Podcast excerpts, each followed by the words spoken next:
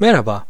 Ekip lideri olarak ekibinizdeki çalışanların eğilimlerini, iletişim isteklerini, gitmek istedikleri kariyer noktalarını ve kişisel özelliklerini, hikayelerini, o şirkete niye geldiklerini, ne için orada çalışmak istediklerini bilmek büyük bir avantaj sağlar. Daha önce de belirttiğim gibi ekip liderleri çalışanlarının bağlılıklarını %70'e kadar etkiliyorlar. Peki ekibinizdeki çalışanları başka hangi açılardan daha tanıyabilirsiniz, öğrenebilirsiniz? Bununla ilgili bugün konuşmak istiyorum.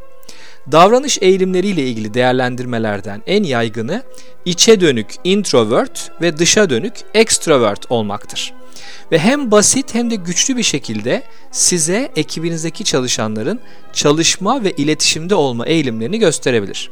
Bu değerli bilgiye sahip olmak sizin liderlik becerilerinizi ve ekibinizin performansını arttırabilir. İçe dönük kişilik tipleri mümkün olduğunca az uyaranın olduğu ortamlarda rahat eder ve yenilenmek, güçlenmek için kendi içine dönmeyi, kendiyle kalmayı tercih eder.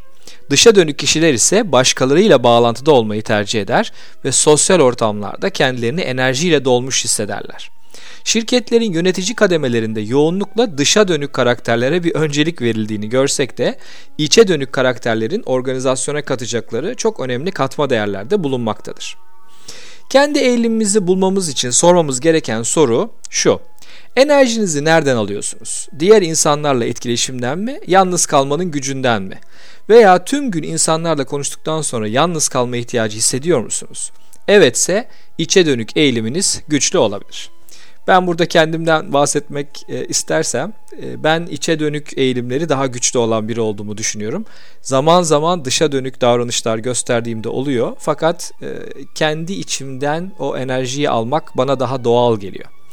Bu eğilimi tespit etmek için internette çok sayıda test var. Birçok sayfayı bulup kullanabilirsiniz. Örnek olarak e, www.hayatkolay.com diye bir site var. Oradan ben bir link ve test buldum örnek olarak. İçe dönük müsünüz, dışa dönük mü diye bir test uygulamışlar. Veya İngilizcesini görmek isterseniz Psychologies Co UK e, sitesinde de benzer bir test var. Peki ekip lideri olarak eğer çalışanlarınızın içe dönük mü dışa dönük mü bu eğilimlerini bildiğiniz takdirde bunu nasıl kullanabilirsiniz? Birkaç küçük püf noktasıyla devam etmek isterim.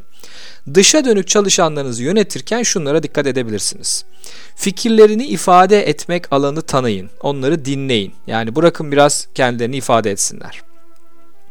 İnsanlarla bağlantı kurma konusundaki yeteneklerinden yararlanın. Şirket açısından da çok değerli bu. Örneğin müşteri ilişkileri, satış alanlarında dışa dönük eğilimli çalışanlar daha başarılı olabilirler. Yavaş akıştan rahatsızlık duyabilir bu arkadaşlarımız. Arada bir onları bilgi vererek süreçte tutmak, onları bilgilendirmek değerli olabilir.